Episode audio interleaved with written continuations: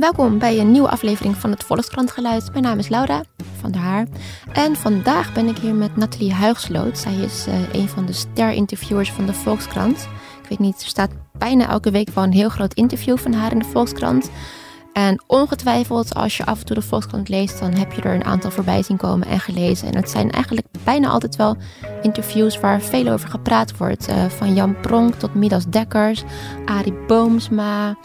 Nou, noem maar op. Uh, we gaan het er vandaag over een aantal hebben. En vooral over eentje, namelijk die met Maarten Biesheuvel. Misschien wel een van de beste schrijvers van Nederland. Waar zij een ontzettend mooi en ontroerend stuk over geschreven heeft. En volgens mij heeft het geluid dat ze heeft uitgekozen ook met Maarten Biesheuvel te maken.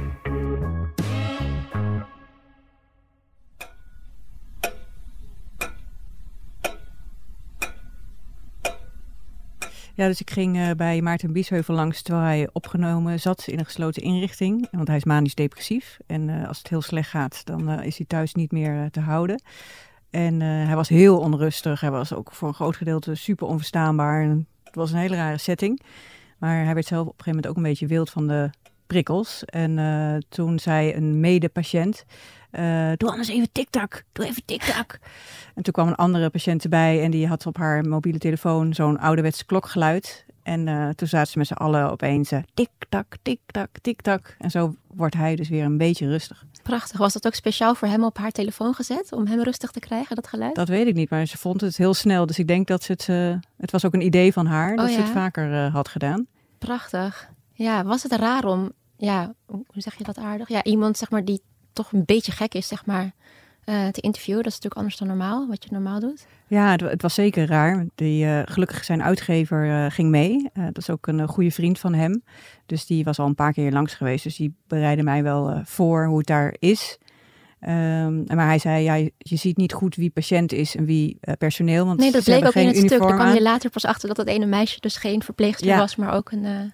Ja, dus die waren allemaal heel lief met zijn kleren bezig en voor mij koffie halen. Dus ik dacht echt van, nou, dat zijn, uh, mee, of dat zijn personeelsleden. een beetje een spinvisliedje bijna. Ja, het, dus het was echt gek om te merken van, oh, het zijn dus patiënten die dus in een gesloten inrichting zitten. Daar zit je natuurlijk niet zomaar. Nee. Dan ben je echt een gevaar voor jezelf of voor anderen. Dus dat zei die uitgever ook wel, dat hij wel eens advies had gekregen dat je, dat je ze altijd wel aan moet kijken, omdat ze anders uh, een stoel op je achterhoofd uh, kunnen slaan.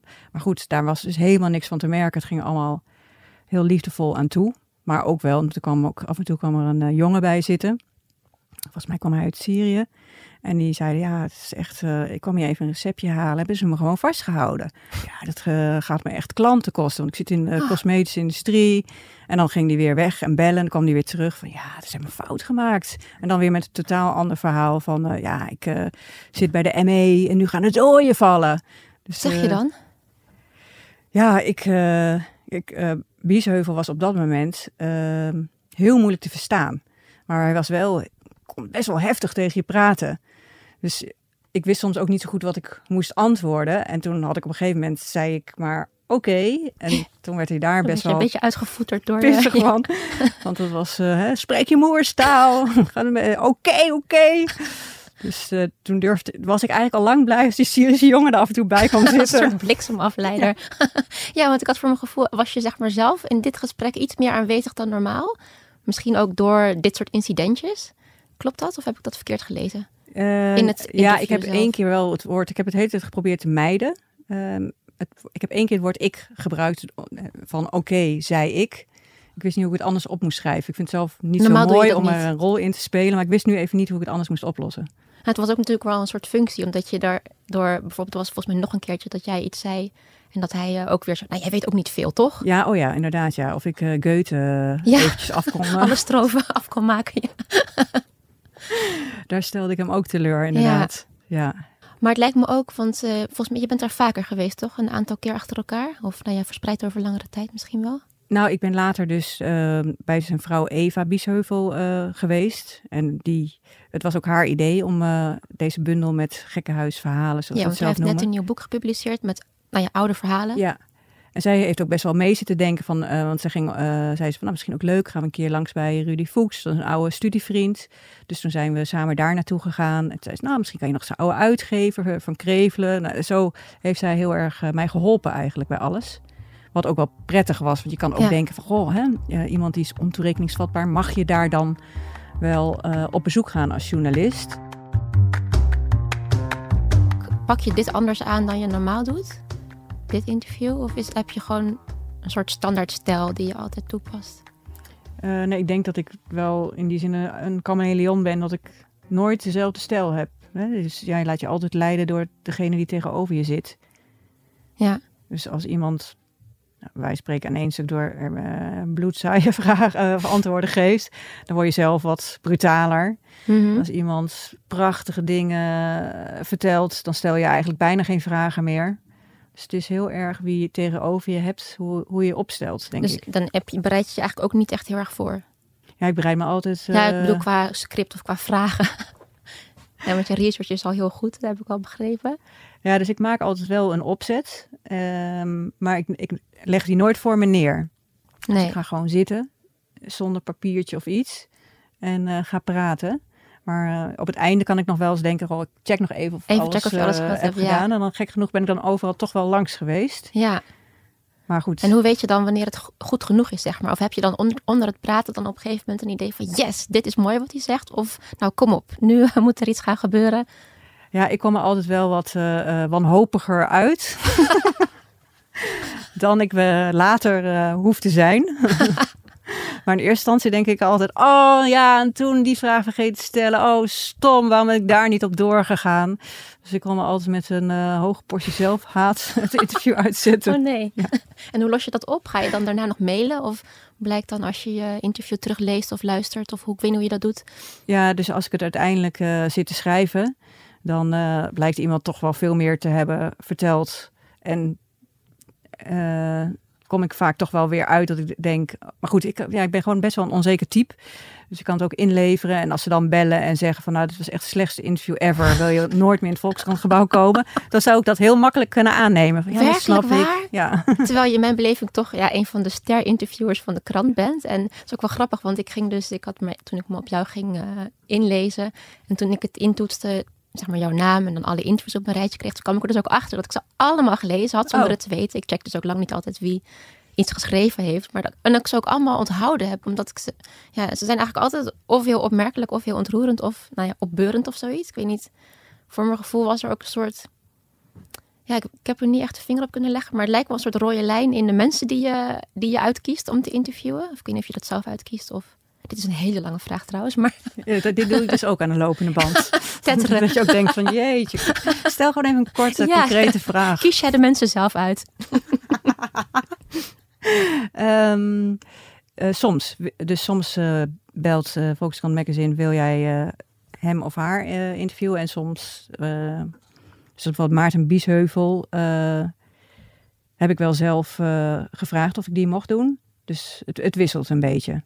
Ja. Maar ik heb wel een zwak voor mensen die eh, worstelen met het leven. Oké, dus het is wel een beetje jouw, eh, dat is jouw rode draad misschien. Ja, dat vind ik wel, of Maarten het hart is, of ehm, ja, het, iemand die een heel gelikt leven heeft en die dat zelf ook heel graag eh, vertelt over hoe zijn gelikt zijn leven is, dat vind ik altijd wel lastiger. Er is misschien ook wat minder over te zeggen. Ja, Alhoewel, aan de andere kant, toevallig las ik dat in een interview van jou met Arie Boomsma, of nee? Nee, Oh ja. Theo Maassen. Die zei van, ja, ik snap er niks van. Dat mensen die succesvol zijn dan ook nog eens een keer op tv mogen komen om te zeggen hoe succesvol ze zijn. ja, ja, daar was ik het wel heel erg mee eens. Ja. Ja, er valt veel meer te leren van, hè, van gruwelijke daders of verschrikkelijke slachtoffers Hmm. dan van de winnaars eh, onder ons. ja. Maar ja, alsof die bestaan, die zijn natuurlijk ook nooit. En iedereen heeft wel ergens een krasje natuurlijk. Mhm. Of zoals Rutte zou zeggen, mijn baan is een verzameling krassen. Dat had hij toch deze week. Ja. maar leer je er zelf ook veel van? Eh, ja, ik leer er zelf veel van, ja. Ik merk ook wel als ik zelf mijn interviews terugkijk, dat ik, dan zie ik zelf ook wel, oh, toen zat ik heel erg te denken over, zou ik nu wel of niet eh, eh, proberen een kindje te krijgen? Dan eh, komt Oh, dat ja? best wel vaak. Dus dit is een soort thema waar je dan achteraf pas aan denkt van... Ja, dus je, je ziet mijn eigen leven bij wijze van spreken wel terug. Dat zo'n periode dat ik tegenaan liep, dat ik niet met mijn vriend over gevoelens kon praten. En dan zie je dat hele tijd in het interview. Oh, wat kan jij met je man eigenlijk over gevoelens praten? En wat heb je nu de laatste tijd? Want ik ben natuurlijk van boven naar beneden gegaan. En de laatste eh, interviews gingen toch vooral over ja, angsten. En, Oh ja? eh, ja, dat, nu gaan we even psychologiseren. Oh. Nee hoor. Maar ik dacht wel, wat ik net al zei, van, er zit, lijkt toch een soort rode draad in te zitten. Van mensen die bijvoorbeeld met ouderdom worstelen. Of met een ziekte. Of... Ik had bijvoorbeeld eh nou, Arie Boomsma en zijn ijdelheid. En eh, Maarten Biesheuvel en Maarten het Hart. En Jan Pronk. Oh ja. Die hadden allemaal een soort, die hadden net iets moeilijks meegemaakt. Ja, ja, ja. Ehm, nou, heb ik, ik heb zelf niet het idee dat. eh, wat voor mijn gevoel nu een beetje een themaatje is, komt door eh MeToo. Ehm, eh, maar ook wel door meer dingen. Maar vond ik dus zelf heel prettig aan het interview met Jan Pronk. ehm, is dat ik zelf vind dat er gewoon zo vaak onderscheid wordt gemaakt tussen de goede en slechte mensen. Alsof een mens een ziel heeft. Of alsof een mens een goed hart heeft. Hè? Dat, een hart is gewoon een pomp. En een ziel kan je in je hersenen ook niet terugvinden. Dus dat is ergens een beetje een soort religieuze overtuiging. Die mensen er gek genoeg, ook al geloven ze niet, toch op nahouden. Van in die situatie had ik zelf wel goed gehandeld. Ah, Eh, terwijl, ja, ik, morele verhevenheid van de mensen. ja Of bedoel je dat niet? wat zover, als ik goed ben geïnformeerd, eh, is de mens optelsom van eh, zijn DNA en van wat hij meemaakt. Dus als jij hetzelfde DNA hebt en hetzelfde meemaakt als eh Holleder, dan zal jij hetzelfde gedrag vertonen. Dus ja, het is niet geen reden om die man niet op te sluiten, want sommige mensen zijn gewoon te gevaarlijk. Maar dat is dan eerder De consequentie van gedrag. heel tragisch hè, dat die jongen zo eh, gebakken is en dan ook nog die ervaring overheen heeft gekregen. Dan, dan een beetje te doen alsof mensen slecht zijn. Eh, en dat wordt natuurlijk ook met eh, buitenlanders. En eh, wordt dat ook wel vaak een beetje zo die polarisatie opgezocht. En daarom vind ik zo'n geluid van Jan Pronk. Hè, die gewoon veel meer die, die context erbij schetst. Waardoor ook situaties kunnen escaleren en mensen gaan vluchten, et cetera. Vind ik een prettig geluid. Ja, Dus ik vind het altijd wel, ja, ergens als mensen gewoon eerlijk over hun beschadigingen vertellen, vind ik dat prettig. En wat bijvoorbeeld Theo Maas ook zei, van, of was hij het, nou, of iemand anders zei het, van eh, ieder mens is dader en slachtoffer in één. We moeten dat onderscheid niet zo heel erg maken tussen de winnaars en de verliezers. Dus dat is, ehm, ja, dat is zeg maar, denk ik, mijn huidige stokpaardje, zeg ja. maar. En weet je dan van tevoren al dat je daarvoor bij Theo Maas ofwel Jan Pronk moet zijn? Of komt Nee. dat dan tijdens het gesprek ineens naar boven? Ja, Maar dan stuur je dat toch onbewust daarop aan? Of? Eh, nou ja, dat is, dat is wel. Kijk, iemand. Je bent toch ook altijd wel een beetje aan het zoeken in een interview. Het is Mhm, ook niet beetje porren. Ja, of je zoekt naar iets van eh, wat is de kern van iemands bestaan of iemands persoonlijkheid. Dus ik weet van tevoren weet ik niet precies wat dat is. Mhm. Ehm, maar dat kan dus wel bijvoorbeeld bij Jan Pronk zijn dat je denkt, ja, dat is volgens mij de kern van wat hij. Kijk, er zijn heel veel mensen die zeggen, ja, je hebt overal geld naartoe gesmeten en eh, moet je kijken, het is nog steeds een puinhoop daar. Ehm, maar ja, op een of andere manier is, dat niet de kant die ik snel op zal gaan. Misschien Nee. dat ik soms misschien daardoor wel niet kritisch genoeg ben. Oh, ik vond je juist best wel kritisch in dat stuk met Jan Pronk. Ik Oh. vond het juist heel knap wat je ergens ook. ehm, eh, ik weet niet meer precies waar dat was, maar er was een situatie waarin hij eh, eh, zeg maar de, de hulpverleners ging bezoeken. En dat hij dan aan de overkant van de weg, volgens mij, zag hij mensen die lagen daar te sterven. En die konden pas geholpen worden als ze in het kamp kwamen. En toen vroeg jij de eerste keer van, maar ga je dan niet die mensen naar dat kamp tillen? En toen eh, vertelde hij eerst gewoon heel ambtelijk waarom hij dat dan niet deed. En toen zei je nog een keer van, maar jij kon het verschil maken tussen iemand die in het kamp belandt of niet. En toen antwoordde hij nog een keer. En toen zei je daarna nog een keer van, nee, maar jij had ze erheen kunnen dragen. En er zijn, kunnen nu dus mensen dood zijn omdat jij ze niet naar het kamp gedragen hebt. Dat vond ik toch nou, behoorlijk kritisch Ja, ergens. ja, Of- ja. ja dat is dan totaal niet kritisch ingegeven. hè. Dat is meer door onbegrip. Van, ja, maar dat moet Oh, toch ja. onwijs heftig zijn. En uiteindelijk zei hij dat ook wel. Ja, is Mhm. ook super heftig, ja. Maar uh, dus dat is meer dat ik het persoonlijk dan gewoon niet kan voorstellen. Echt oprechte verbazing. Ja. Ja. Maar ehm, ja, want je hebt natuurlijk ook journalisten die heel kritisch zijn. Ehm, en ehm, dat heeft ook een soort functie. Maar ik heb het idee dat mensen daardoor niet eh, heel snel heel veel over zichzelf gaan vertellen. En dan kan het, eh, ben je vooral die vraag aan het stellen. Van, nou goed, cool hè, dat jij die vraag durft stellen. Maar dan gaat iemand in Kan ambtelijke dichtslaan. prietraatriedel hangen. Of, hè, dus dan komt er niks. Ja. Dus dat is dan misschien een soort tactiek van jou. Of nou, nee, niet eens een tactiek. Het is gewoon je- jezelf die je meebrengt. En jij praat meer. Je hebt meer een gesprek dan dat je vragen stelt. Of... Ja, en ik ben gewoon niet zo heel snel dat ik denk... eh, oh ja, hoe zit het dan zo? En waarom gaat daar dan geld naartoe? Eh. Ja. Maar dat komt, ja... dat, dus ik kan me voorstellen dat, uh, dat ik ook niet zo geschikt zou zijn voor dat interview. Van dat soort interviews, zeg maar. Mhm. Dus dat, En hoe zou je je eigen type interviews omschrijven? Uh, nou ja, ik denk dat die eerder op zoek gaan naar om iemand te leren kennen, dan uh, om iemand proberen te betrappen of ja, of te tackelen of iets. Ja, ja, ja, ja. Of ja, ook niet zo. Ik ben ook niet iemand die heel erg vakinhoudelijk op iemand gaat zitten hakken of zo. Dat ja. Ja, en wat is er dan nodig om iemand te leren kennen? Is daar een rode draad in te vinden of is, is het voor iedereen weer anders? Ja, uh, luisteren denk ik vooral, ja.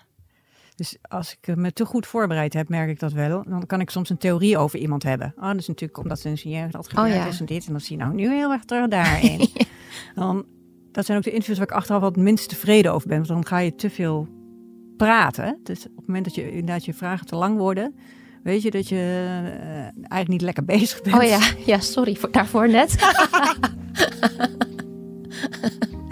dat weet je dus niet. Maar het is soms ook moeilijk, want je bent heel goed voorbereid. Dus eigenlijk, kijk, een van de redenen waarom je je zo goed voorbereidt, is dat je weet, oh, dit heeft diegene al zeven keer gezegd. Dat ga ik dus niet gebruiken. Ja. Dus dan je wil een nieuw verhaal. Ben je wel eens, dan, ben je wel eens zenuwachtig? Ja. Altijd? Uh, altijd, ja. Ja, ik ben altijd heel zenuwachtig. Uh, ja, dus je, doe, het is best wel een raar vak interviewen. Uh, Hans Theo heeft wel eens gezegd dat het heel parasitair is. Hè? Iemand anders doet iets, die kan niet. En jij gaat een beetje aan, aan het been hangen. en uh, uh, lift er een beetje op mee of zo. Dus op het Ah. moment dat iemand tegenover mij zit, die heel gesloten is en niks geeft, ja, dan heb ik het idee, dan, hoe moet ik hier een hemelsnaam iets in? Dus ik ben zo ontzettend afhankelijk van wat iemand anders Ja. wil vertellen. Of het, Gebeurt dat vaak? Ehm, nou, bij het Volkskrant Magazine heb je wel als voordeel dat mensen over het algemeen wel weten waar ze aan beginnen. En dat zijn natuurlijk altijd hele persoonlijke interviews. En je zegt ook van tevoren, ehm, het gaat drie uur duren. En ik ga, Oh, dat is standaard drie uur? Ja, bij mij wel. Oh ja? Dat heb je nodig om iemand echt te leren kennen? Nou ja, eh 600 uur zou nog beter zijn. ja, Ja, meer kan je echt niet vragen. Van de baas niet of van de geïnterviewde niet? Nee, van de geïnterviewde niet. Maar ik heb ook bijvoorbeeld wel eens Joep van het Hek eh, geïnterviewd. Maar toen was ik al een paar keer bij een voorstelling wezen kijken. Want hij had toen die operatie aan zijn hart gehad. En toen merkte ik wel hoe prettig dat is. Als je iemand een paar keer eh, eigenlijk ziet. Ja. Of ik heb ook wel eens eh, met Pieter van Vollenhoven had ook een hele lange aanlooptijd. Voordat hij echt zei, oké, ik geef een interview. En hadden de gekste gesprekken gehad over dat hij dan eh, mij ging vertellen hoe ik mijn hond moest eh, opvoeden. En, eh, en dan weer bellen. En dan merk je wel dat zo'n interview beter gaat. Dus eigenlijk zou dat dan je ideaal zijn? Ja, Een interview dat eh, nou ja, over maanden verspreid is Ja. eigenlijk. Zijn er mensen die dat doen? Ehm, Of waarom doe je dat niet eigenlijk? Ja, ik heb het ook wel. Soms vraag ik het wel van God, kan ik dan even langskomen of daarmee eh, lopen? En dan eh, hebben mensen daar niet altijd zin in. Maar ik zou het eigenlijk gewoon weer meer moeten doen. Dat je ook ehm, ja, wat, wat, wat gaat ondernemen in plaats van dat je echt zo gaat zitten.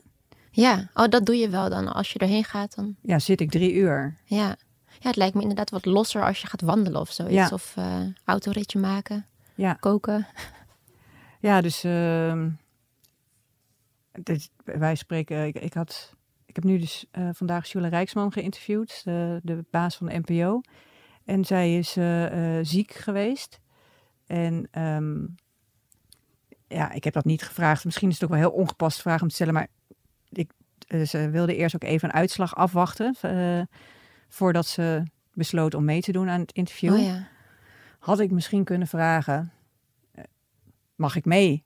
Maar ja, dat is misschien wel veel te intiem natuurlijk. Ja, ken je haar? Nee, ik ken haar totaal niet. Nee, Zou- dus zou je dat wel best wel willen? een heel slecht voorbeeld dit. Nee, helemaal niet. Nee, maar ik, zou je dat dan wel willen? Denk je dat je dat zou, gedaan zou hebben? Stel dat je dat had durven vragen? Ja, dan denk ik wel. ehm, stel dat ik haar langer had kunnen volgen. Dat bijvoorbeeld iedereen om haar heen zegt van goh, dus hoe zij daar met haar ziekte om eh, gaat, is precies zoals ze is. Altijd doorgaan en eh, eh, enorme vechter. Mhm. Dan had ik dat zelf kunnen zien. En dan, ja, dan eh, past dat ook in het verhaal. ja, had je dat kunnen beschrijven? En, Ja, wat we wel zeggen als regel, show don't tell. Eh, als je iets beeldend eh, kan opschrijven, Ja, dan, Dan- heb je die alinea's erover helemaal niet nodig. Nee, dus dan hoeft iemand dat niet zo te tellen. Ja, Dus dat was wel mooier geweest. Dit was denk ik veel te ver gegaan. Dat is ook veel te privé natuurlijk. Maar Mhm. eigenlijk denk ik wel, als je dus elke keer kan bedenken van nou, dit is een eh, typische situatie voor diegene. Dat zou eigenlijk samen moeten doen. Dat, Ja. dat de, de interviews nog beter zou eh, maken. En waarom doe je dat niet?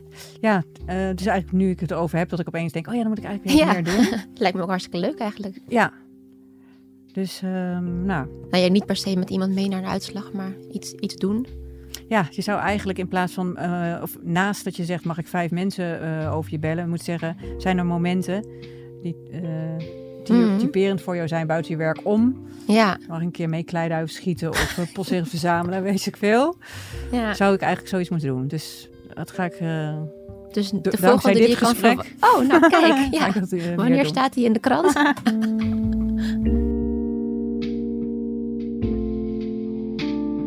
heb je iets geleerd van de afgelopen jaren dat je dit doet? Of heb je ontdekt dat je fouten maakt? Of fouten maakte die je nu niet meer maakt? Hmm. Eh, nou, wat bij schrijvende eh, interviews lastig is, is de afhandeling. Dus iemand vertelt jou van alles tijdens het gesprek. En daarna krijg je, eh, wij spreken een ziedende manager aan de lijn die zegt: Wat, ja, dat ga je toch niet allemaal opschrijven? Ja, dan, Gebeurt ja, dat maar veel, ja? Heeft diegene toch verteld Ja. terwijl ik dat bandje aan had?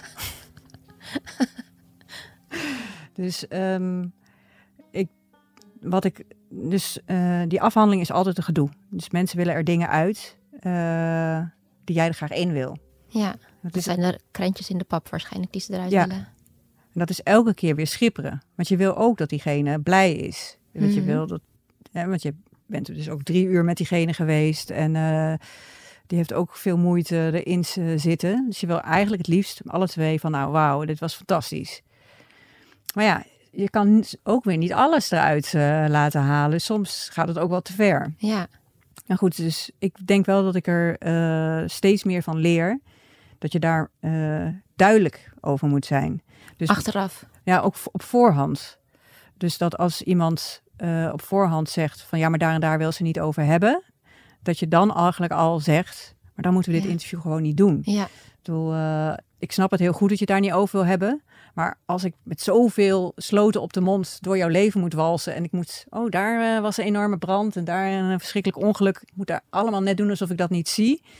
Dan wordt het gewoon niet een open en eerlijk portret. ja, En dat denk ik wel dat, eh, eh, dat ik daar elke keer weer van leer. Van, oh ja, dat moet ik van tevoren nog duidelijker zeggen. Want soms denk je van, dan lees je wel in interviews dat iemand zegt, daar wil ik het liever niet over hebben. En dan denk je, ah, ja. hopelijk bij mij wel. En soms gaan ze dan toch nog helemaal los na die zin. Ja, precies. gebeurt dat eens. gebeurt ook wel eens. En ehm, misschien moet je gewoon van dan. Ik denk dat ik de volgende keer dan gewoon gelijk bel en zeg: Goh, ik zie dat je het daar niet over hebt. Ik wil het daar wel over hebben. Kunnen we het daarover hebben? ja, dus Ja, zullen we dat nu gelijk van tevoren eventjes eh, ja, doornemen of hè, hoe we dat dan gaan doen en eh, of je dan wel dit interview moet geven. ja, In plaats van eh, hopen. ja. En is het dan ook echt onderhandelen over wat eruit moet en wat erin mag blijven? Eh, ja, dat is soms eh, is dat wel ja. Dan zou je bij wijze van spreken ook gewoon een nog extremere eerste versie in kunnen leveren dan je van plan was. Zodat er een soort... Ja, dus dat eh, hoor ik wel eens hè, als tactiek van wisselgeld. Dus, dus Oh, heet Maar- dat zo, de wisselgeld? Ja, dus, maar dat doe ik zelf totaal niet. Niet zo sympathiek. nee, en wordt- is het ook uiteindelijk zo manipulatief. Ja, maar goed, ik kan me voorstellen dat het inderdaad wel werkt. Maar goed, dus dat is altijd achteraf een, eh, of altijd, er zijn natuurlijk ook zat mensen eh, die gewoon zeggen, nou super, hartstikke blij mee. Dus Ja. dat is in merendeel van de gevallen. Maar ja, de, de botsingen die er zijn, zijn toch de, ge- de dingen die je altijd onthoudt. ja, Althans, ik weet niet hoe het bij jou is, maar absoluut. Bij iedereen ik het vaker over de Ja, ja, dan over tuurlijk. de zon. Ja. En eh, waar- wa- op welke ben je heel trots? Mm. Nou, ik denk Maarten Biesheuvel wel. Ja, Dat, ehm, ja, omdat ik gewoon van hun allemaal zo dichtbij mag komen. en dan eigenlijk een vriendschap weer hebt doen herleven. Ja, nou ja, dat is meer bijvangst. Maar eh, als het niet was geweest, dan had ik het ook, eh, ook mooi gevonden. En maar een andere is ook, ook wel inderdaad Jan Pronk. Dat eh, vond ik zelf een heel goed verhaal. Ja. Ik dacht, laat iedereen dit lezen. Maar Laat dan- iedereen het ook doen inderdaad, ja. Hoor je toch ook wel mensen die zeggen... ah joh, die suiplap moet zijn mond houden. Terwijl hij Oh, 20 serieus? jaar geleden hè, zijn laatste druppel alcohol heeft gedronken. Nou, daar kan je soms ook gek van worden. Daarover gesproken, ik vond die met Midas Dekkers ook fantastisch. Oh, dat, ja. Die bestond gewoon alleen uit tegeltjes volgens mij. Is dat dan, praat hij echt zo makkelijk of maak Ja. je dat er dan van?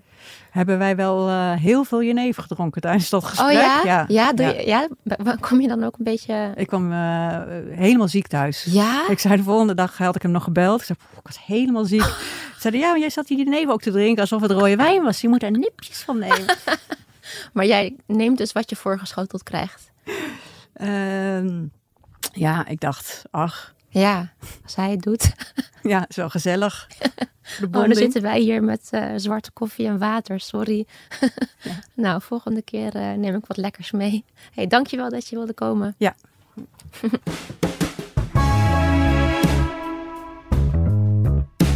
Dankjewel voor het luisteren naar deze Volkskrant Geluid. Hartstikke leuk om te weten dat de interviewers zelf ook wel af en toe een glaasje meedrinken. Dat hadden we hier ook wel mogen doen.